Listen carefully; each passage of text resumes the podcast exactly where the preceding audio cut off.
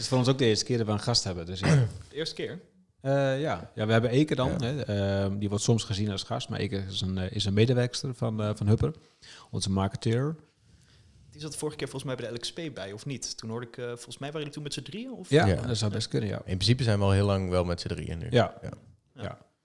En, eh, dus jij bent eigenlijk onze eerste officiële gast. Nou, top. Doe Heel- het voor. Hele Ja. eer, toch? Sorry? Ja, Hele eer. absoluut, absoluut. Eh, welkom, Max. Bedankt. Fijn dat ik mocht zijn. Ja. Eh, leuk ook dat je er bent. Nou, we zeiden net al, je bent onze allereerste gast ever. Yes. Unicum, we hebben er lang over ge- gedacht. Moet het wel, moet het niet? Ja. We hebben erover gestemd. Ja. Iedereen was voor. Iedereen was voor. Ja, nee, dat begrijp ik. Ik ben ook helemaal voor. Groot Ja. voorstander. ja, precies. Chill. Hey Max, ehm, kan jij je kort introduceren? Of wil je met de jingle beginnen? Ik wil eigenlijk met de jingle beginnen. En Ah. dan mag je zelf introduceren. Oké.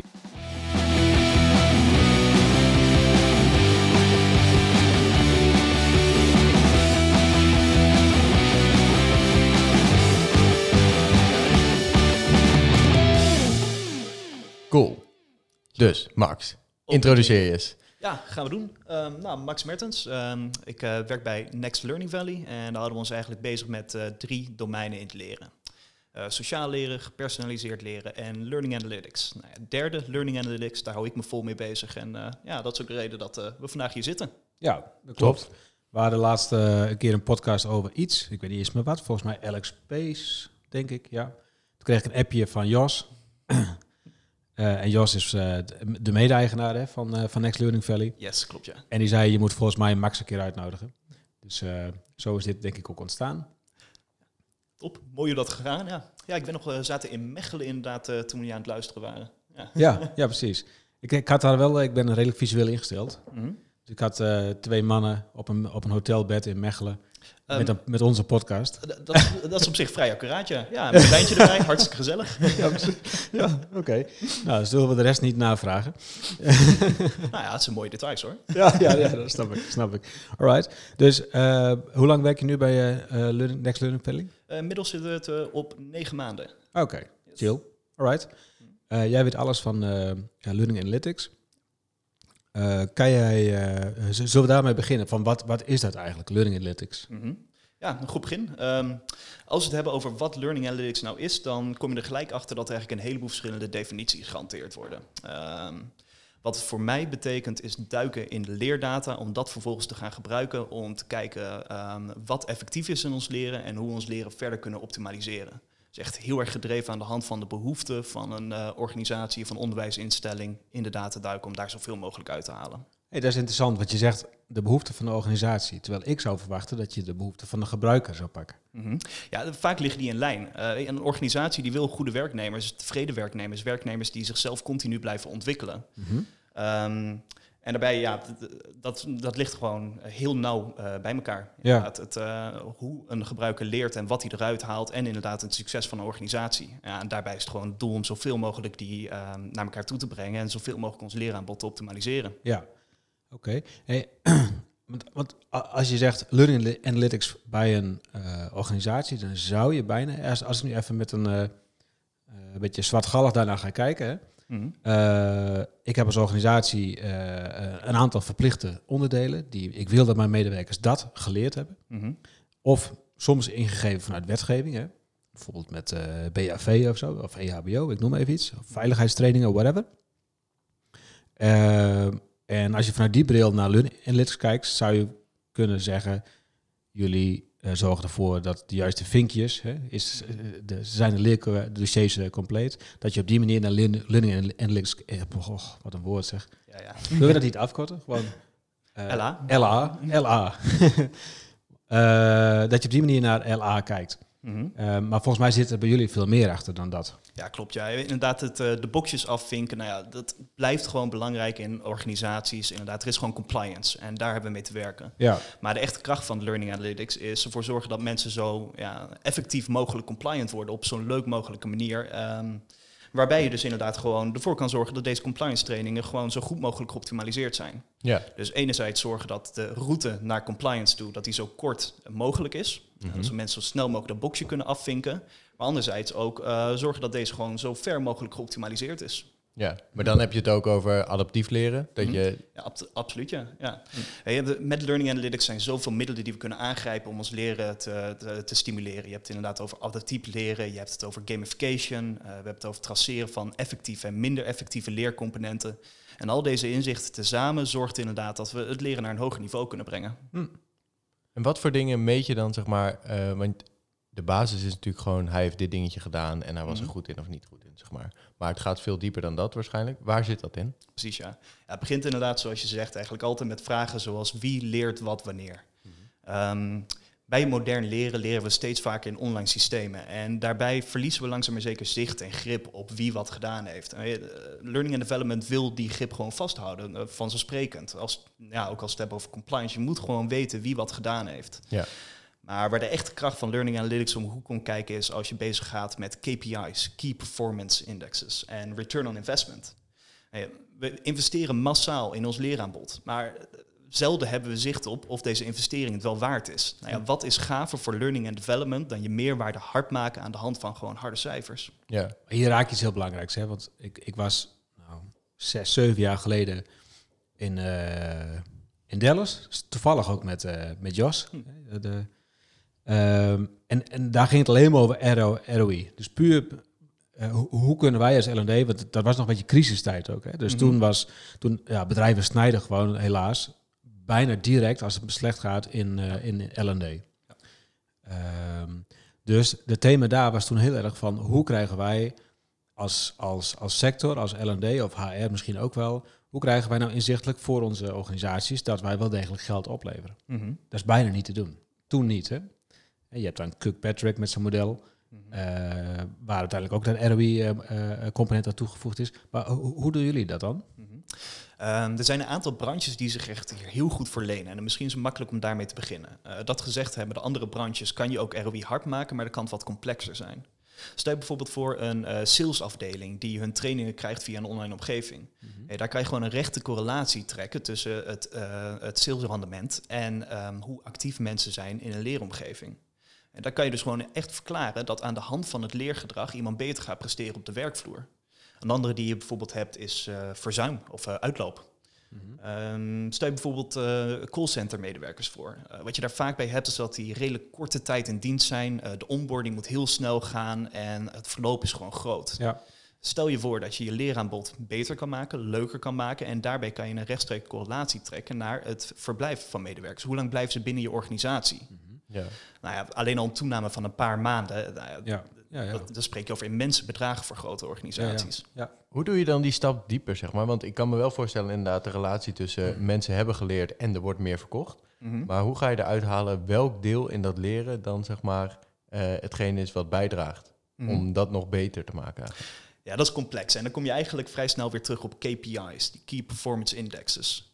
Eh, er zijn een aantal dingen die wij proberen te bereiken met ons leeraanbod. Als bijvoorbeeld het voorbeeld van onboarding pakken. Eh, mensen moeten de organisatie leren kennen. Ehm, ze moeten weten wat hun werkzaamheden zullen zijn. En ze moeten nou ja, competent worden in het werk wat ze moeten gaan beoefenen. Ehm, daar zitten een aantal dingen in en die je daarmee wil bereiken. Bijvoorbeeld, even kijken, iemand moet zich comfortabel voelen op de werkvlek en moet eh, de, s- de sfeer goed kunnen proeven en zich daar thuis voelen. Weet je, dit zijn zaken die we meetbaar kunnen maken. Niet direct, maar wel als we daar bijvoorbeeld instrumenten omheen gaan wikkelen om hier inzicht over te krijgen. Ja, ja, ja, cool. En in het leerproces zelf, dus als je eh, dus bezig bent, wat je in het begin zei, van er zijn allerlei analytics die allemaal meten op, op heel veel verschillende niveaus. Eh, en je gaat het leertraject eh, daarop aanpassen. Basisstap is dan dat adaptieve leren, maar je kan het helemaal doortrekken naar gepersonaliseerd leren. Hoe Mhm. ver ga je daarin, zeg maar, op basis van die analytics? Op het moment proberen we hier zo ver mogelijk in te gaan. Maar wat we in praktijk zien is dat we zijn hier echt ja, goede stappen mee aan het zetten, maar dit kost gewoon tijd. Als we het hebben over het echte personaliseren van het leeraanbod, dan komt hier namelijk veel bij kijken. Eh, we hebben een heleboel criteria van de lerende, de context en de content, die je allemaal samen moet brengen om dit goed te kunnen faciliteren. Ja. Ja. Je kan je bijvoorbeeld voorstellen als je twee keer mijzelf naast elkaar hebt zitten. En de een heeft een hond, de ander heeft een kat. Weet je, dit is een ander type persoon met andere behoeften. en andere voorkeuren. Ja. En als we dit allemaal kunnen traceren, herkennen en hierop kunnen inspelen, nou ja, dan krijg je dus een soort Netflix-achtig leren waar je de juiste content bij de juiste persoon op het juiste moment kan aanraken. En ook nog op het juiste niveau. Ja. Maar ja, zoals je natuurlijk al proeven, eh, dit is complex. Hier komt veel bij kijken. Maar ik verwacht absoluut dat we hier meer van gaan zien de komende jaren. Want, ja. Ja, ik, ik heb het best wel vaak te- in, in deze podcast gezegd. Ik zal het nu ook maar weer zeggen als voorbeeld. Maar Netflix, die je nu raakt, maar ook eh, mijn Google News. Hè, ik klik één keer weer een artikel aan over Formule 1 en ik word helemaal volgepropt met nieuws over Formule 1. Mhm. Ja, nou, precies. Ja, en, dus dat, maar dat is super irritant. Mhm. Maar in het leren, als ik dan dit soort eh, eh, systemen zie, dan zie je ook vaak, oké, je hebt cursus Excel gedaan, dus dan krijg je daarna een soort van, misschien moet je cursus Excel eh, voor gevorderden ook maar doen, of misschien vind je Microsoft Word heel erg leuk. Mhm. Hoe, hoe voorkom je nou dat je op dat gebied komt? Dat is weer een hele mooie die hier aankaart. Ehm, er zitten een aantal dingen in. Enerzijds, andere branches zijn hier al zoveel verder mee dan dat we zijn in learning and development.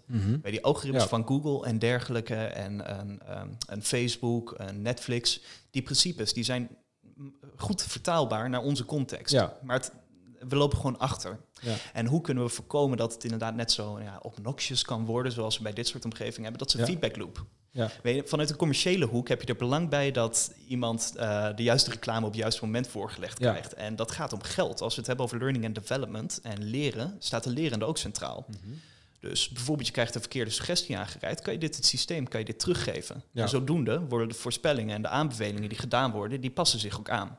Dus bijvoorbeeld je krijgt een stuk content aangereikt over Excel, maar daar ben je al gevorderd in.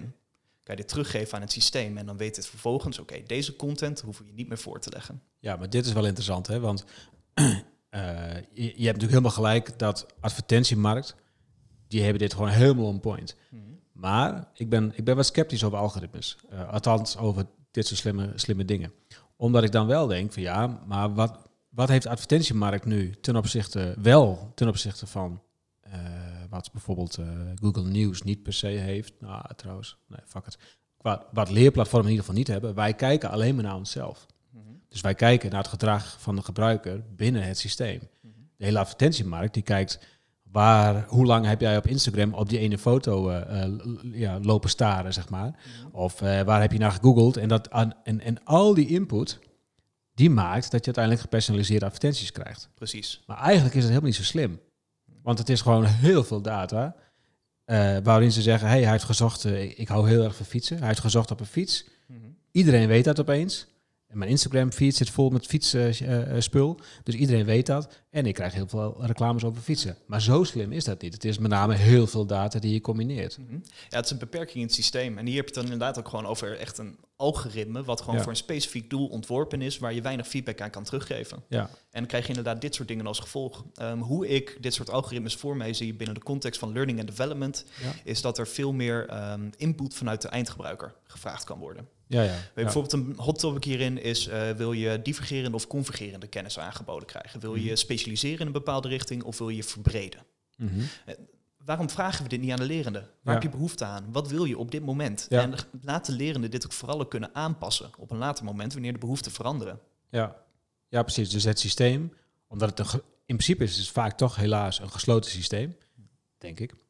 Ehm, want we zouden het leren naar de werkpraktijk al moeten zien te krijgen, maar dat lukt nog steeds niet echt. Hè? Want die KPI's die je net benoemde tussen eh, wat is de ziekteverzuim ten opzichte van het leergedrag, dat zijn waarschijnlijk twee hele bewuste acties die je als organisatie, of twee hele bewuste datasets die je als organisatie vrij moet geven, in dit Mhm. geval aan jou, om die twee te gaan combineren.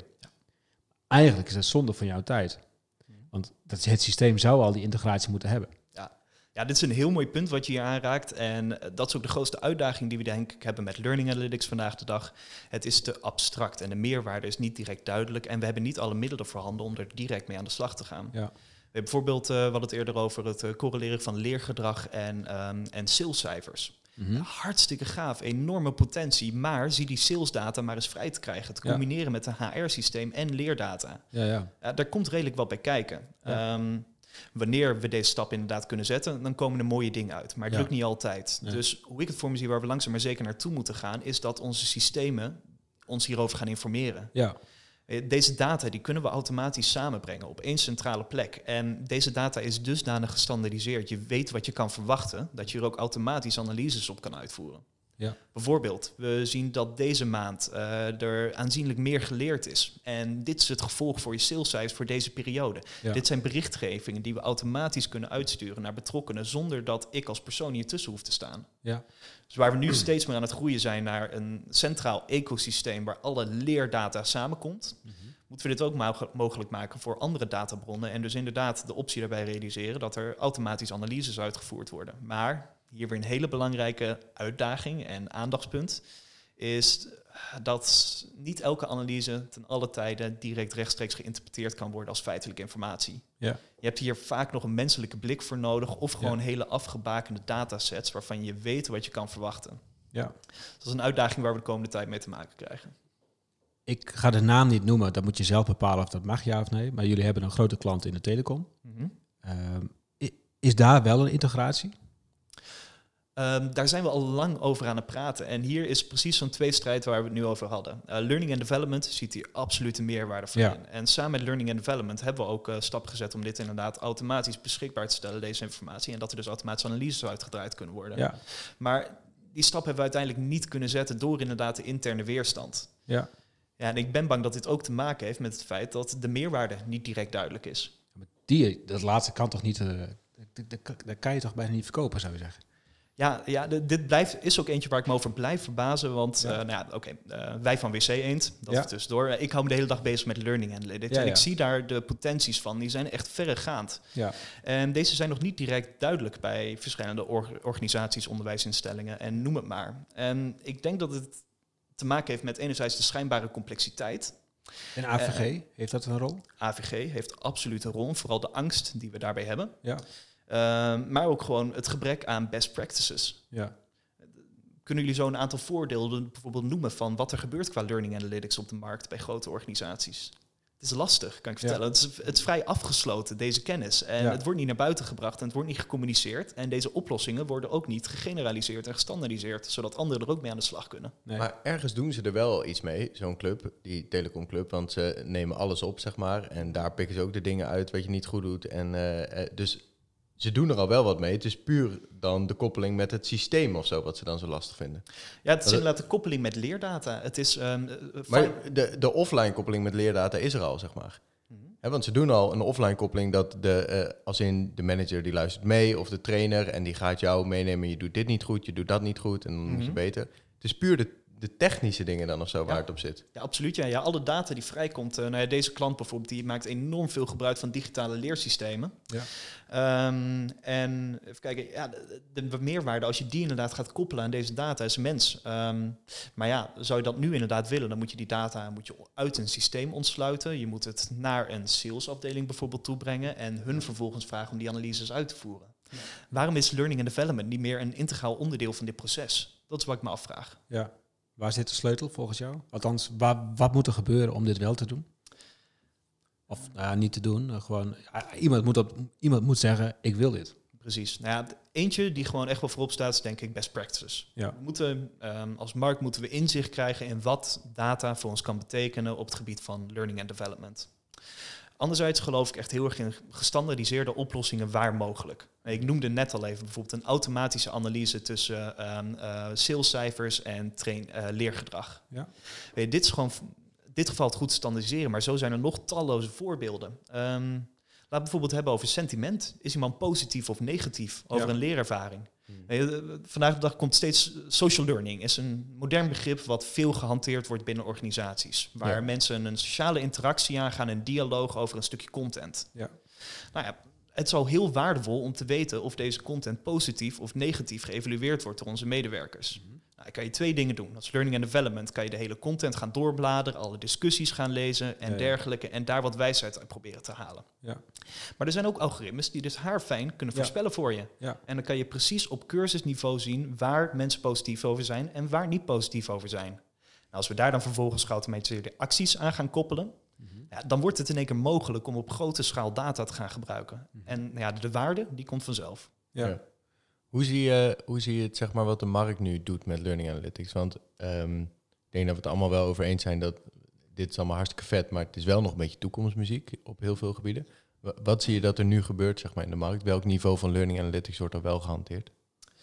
Wat ik veel zie, eh, toevallig ook bij Learning Tech eh, Mhm. eh, eh, afgelopen maand, is dat een heleboel verschillende eh, platforms, providers, die zijn bezig met Learning Analytics te integreren in hun oplossing. Een tool die een bepaald doel voor ogen heeft en vervolgens bouwen ze daar een eigen dashboard, Learning Record Store-achtige functionaliteiten in om Ja. inzicht te krijgen over of de doelen behaald worden binnen deze tool. Ja. Dit begint echt te spelen. Eh, een tweede ding wat ik steeds vaker zie is inderdaad dat er een enorme immense behoefte komt vanaf learning and development om dus inzicht te krijgen in hoe er geleerd wordt in Mhm. digitale systemen, maar ook om een meerwaarde, eh, dus gewoon hard te maken binnen een organisatie. Dat ze niet als een kostenpost worden gezien, maar als iets wat de organisatie beter en rijker Ja, ja. maakt. Een soort bewijsdrang eigenlijk. Mhm, Ja. Precies, ja. ja. Ja, dus behoefte wordt steeds groter. Eh, langzaam maar zeker komen er steeds meer oplossingen, maar deze worden nog niet geplaatst over het algemeen binnen het gehele ecosysteem van een organisatie. Ja.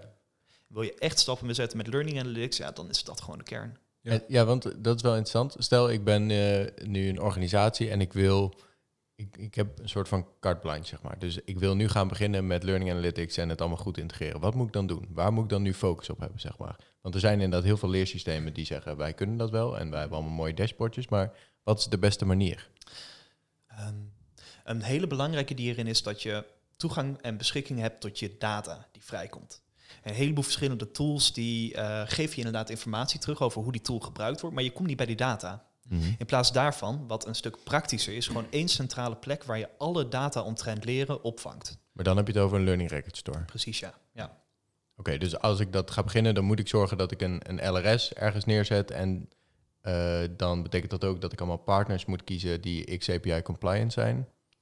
Eh, ja, daar zijn weer een heleboel mogelijke routes in. Oké, Ehm, Inderdaad, inderdaad, even, eh, even duiden misschien wat een LRS is en een XAPI. Precies, ja. Een Learning Record Store is in principe een centrale opslagplek als het gaat over leerdata. Eh, je kan hier dus data in verzamelen. Eh, je kan het in de grondbeginselen kan je het analyseren door het visualiseren. En je kan ook met een Learning Record Store een heleboel automatiseren. eh, automatiseren, goedemorgen.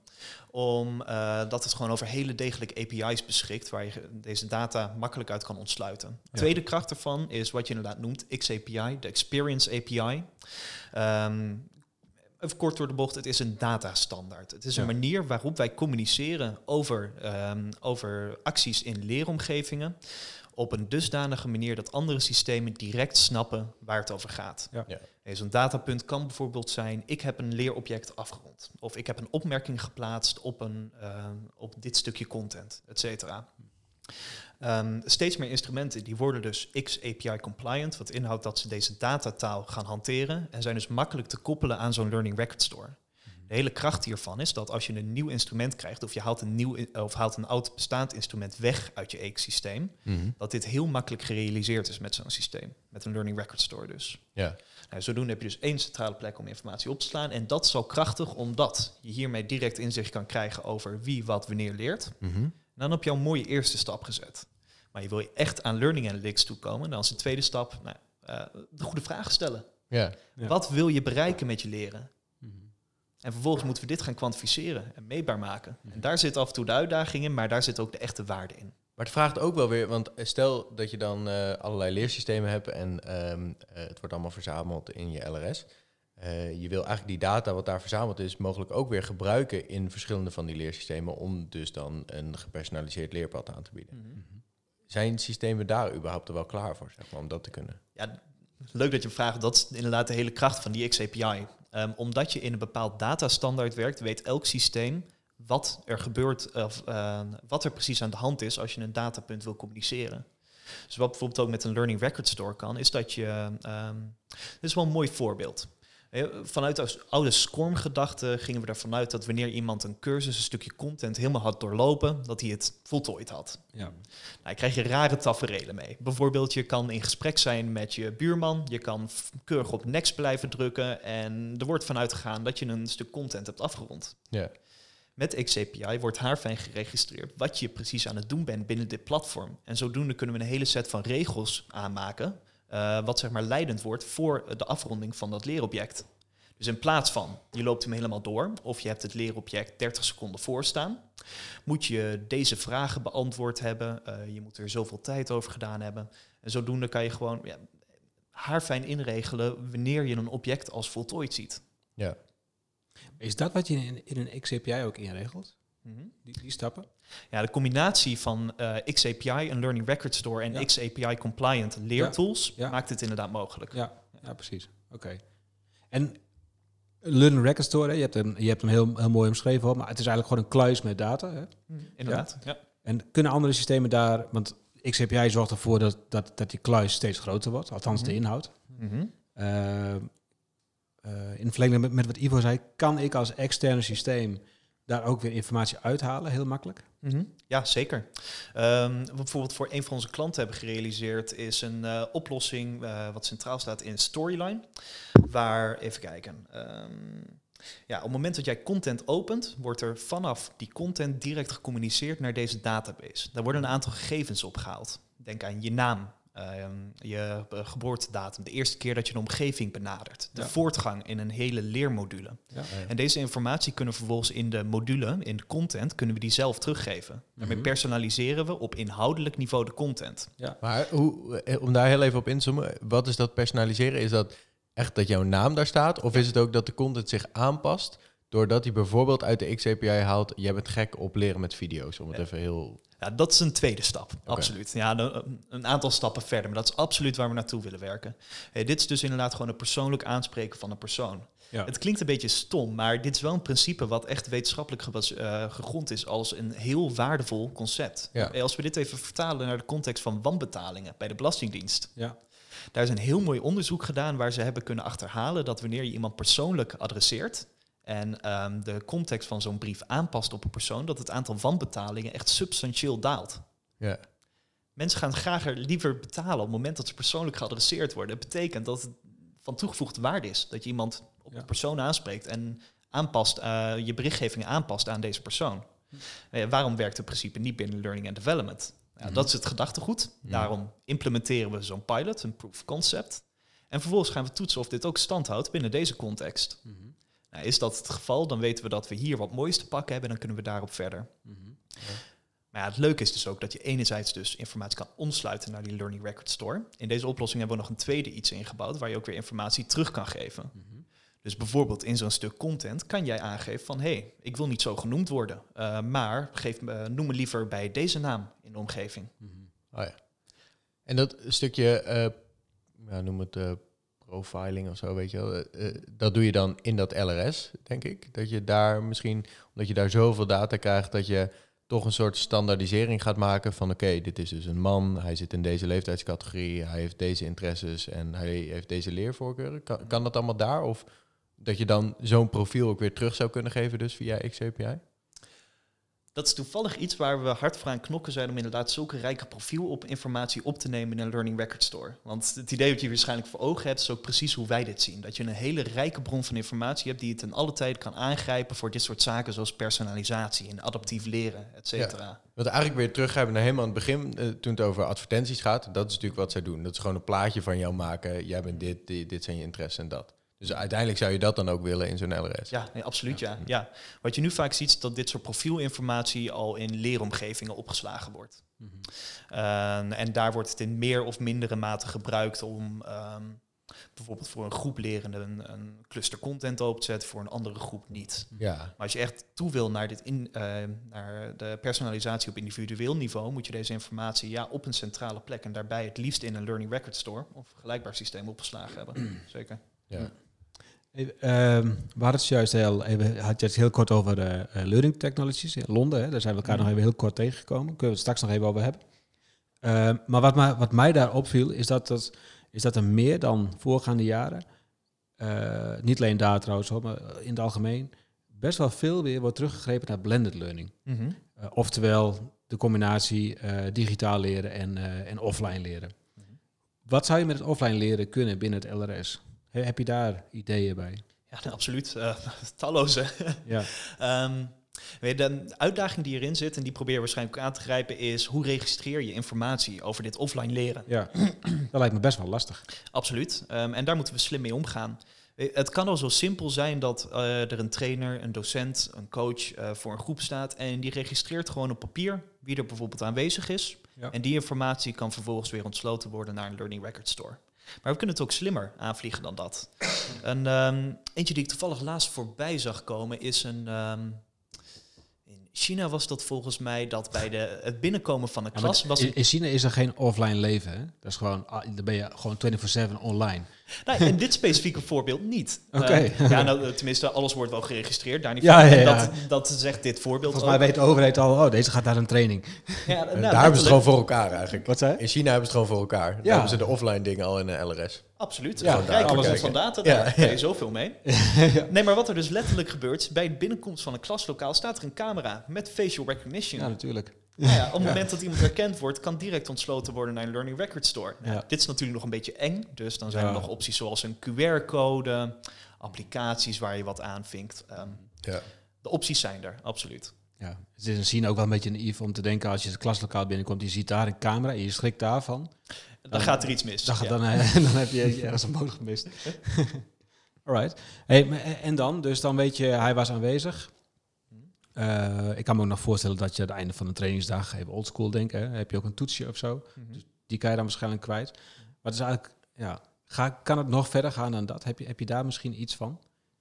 Ik, zou het zelf niet weten, dus ik ben echt benieuwd. Mhm. Ja, toetsdata, weet je, dat is altijd een hele rijke bron voor learning analytics. Ja. Het is een heel effectief en eh, simpel, eh, simpele meeteenheid om onze, ja, de effectiviteit van ons leren te valideren. Wanneer Ja. iemand meer leert, gaat de prestatie omhoog. Ehm, maar natuurlijk zijn er een heleboel andere zaken die van belang kunnen zijn binnen een bepaalde context waar je inzicht op wil krijgen. Ja. Ehm, veel over kom ik dan terug op de psychometrie. Het meetbaar maken van abstracte eh, facetten. Ja. Iemands attitude bijvoorbeeld ten opzichte van iets. Of eh, eh, dat kan je meetbaar maken door middel van een survey bijvoorbeeld.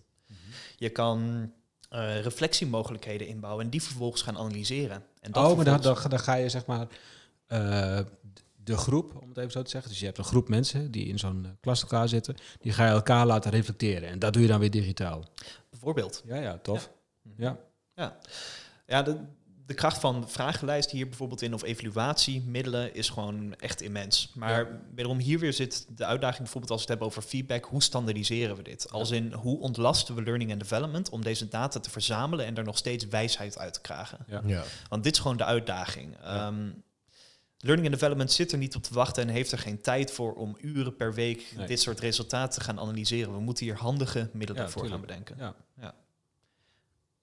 Ja. En dat is inderdaad dus een van de krachten van bijvoorbeeld toetscijfers. Ze zijn makkelijk te analyseren. ja, precies. Maar dan, dan, die verantwoordelijkheid ligt dan eigenlijk bij de opleiders. En niet meer bij de organisaties. Dus de opleiders moeten eigenlijk ook een soort XAPI-achtige, nou, nou ja, laten we gewoon zeggen, een gestandardiseerd formaat hebben. Ja. Ja, learning analytics, ehm, naar mijn inziens moet dit gewoon een integraal onderdeel worden van learning and development.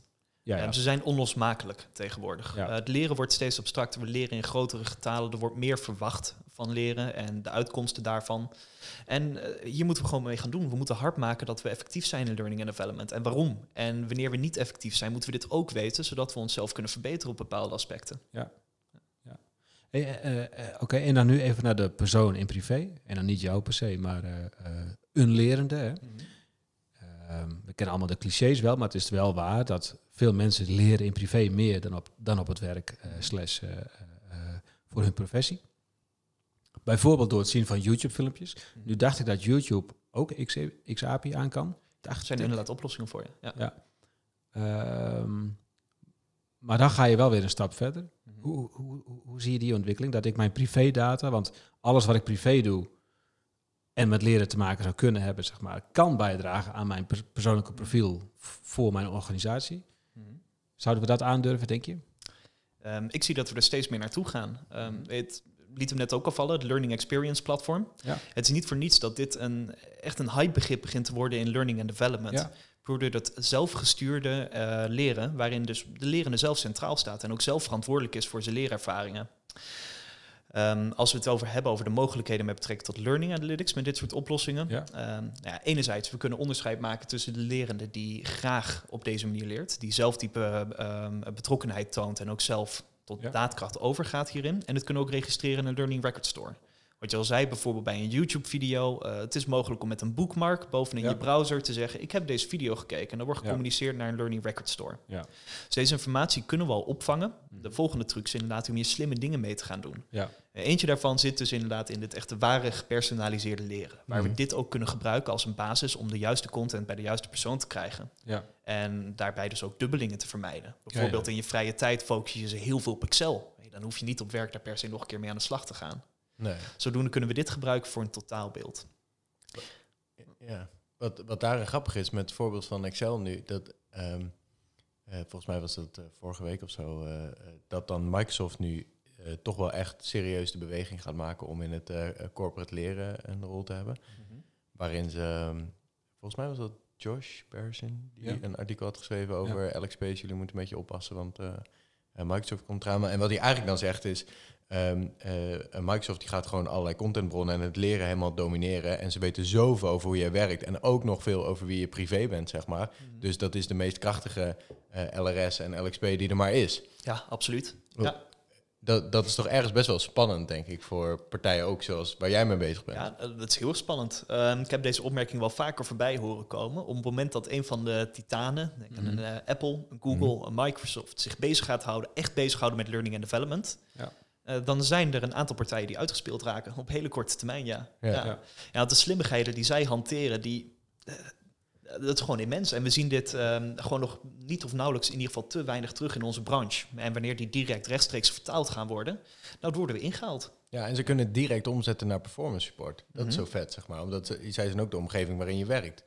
Dus al die data kunnen zij direct eh, Ja, gebruiken. nee, absoluut. Ja, aan de hand van het gebruik van bijvoorbeeld een tool als Excel, daarbij leermogelijkheden openstellen om jezelf te verbeteren. Ik moet gelijk denken aan een Clippy van, Ja. eh, Ja, ja. van eh, Microsoft Word eh 10, Ja. 15 jaar geleden. Ja. Alleen al slim. Ja, de, het briljant idee. ja.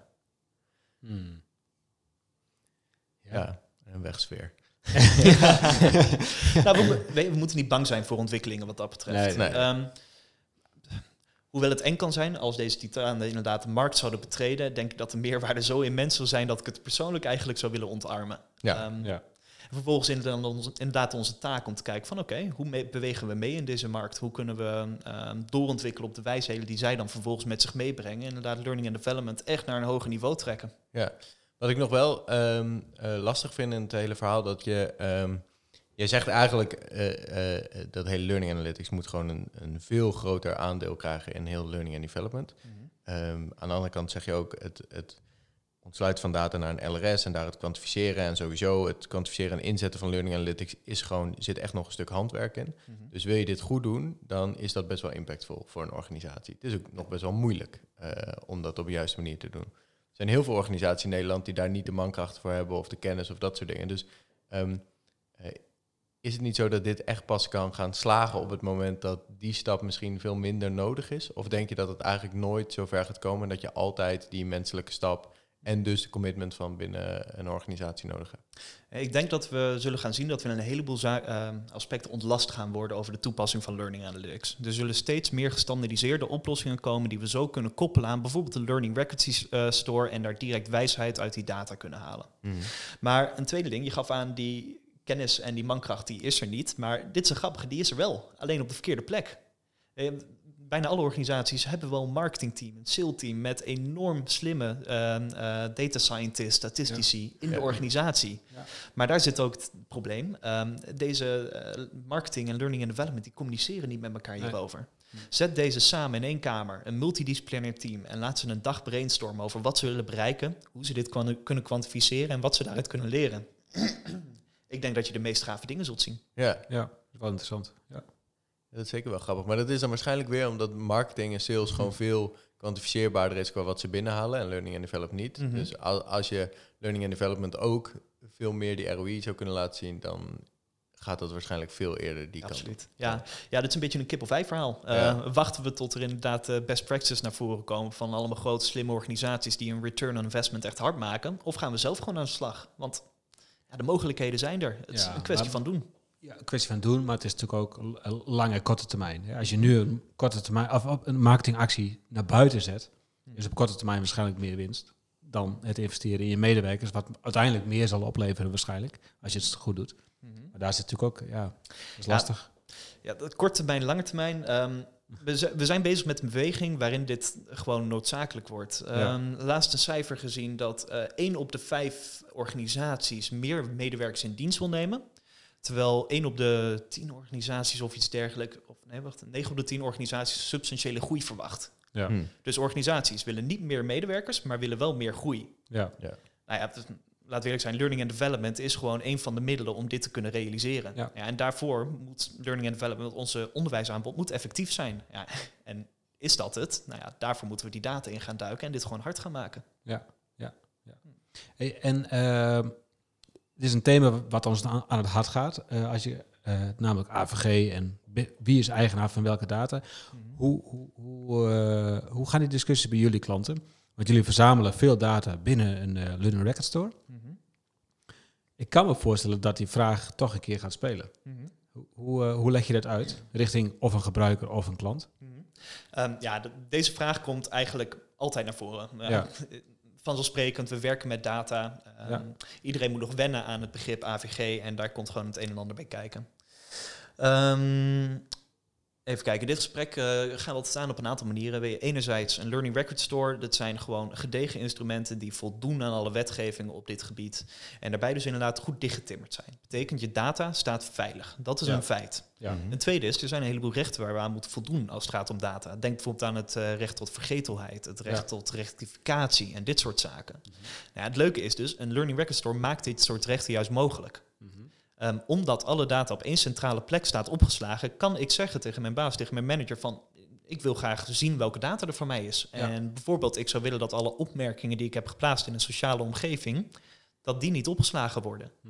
En met een Learning Record Store, omdat het statement-based is, elke actie wordt individueel opgeslagen, is het ook goed mogelijk om een subset of een gehele set van data van een persoon makkelijk te verwijderen, Ja. of inzichtelijk te maken en dit soort zaken. Ja. Ja.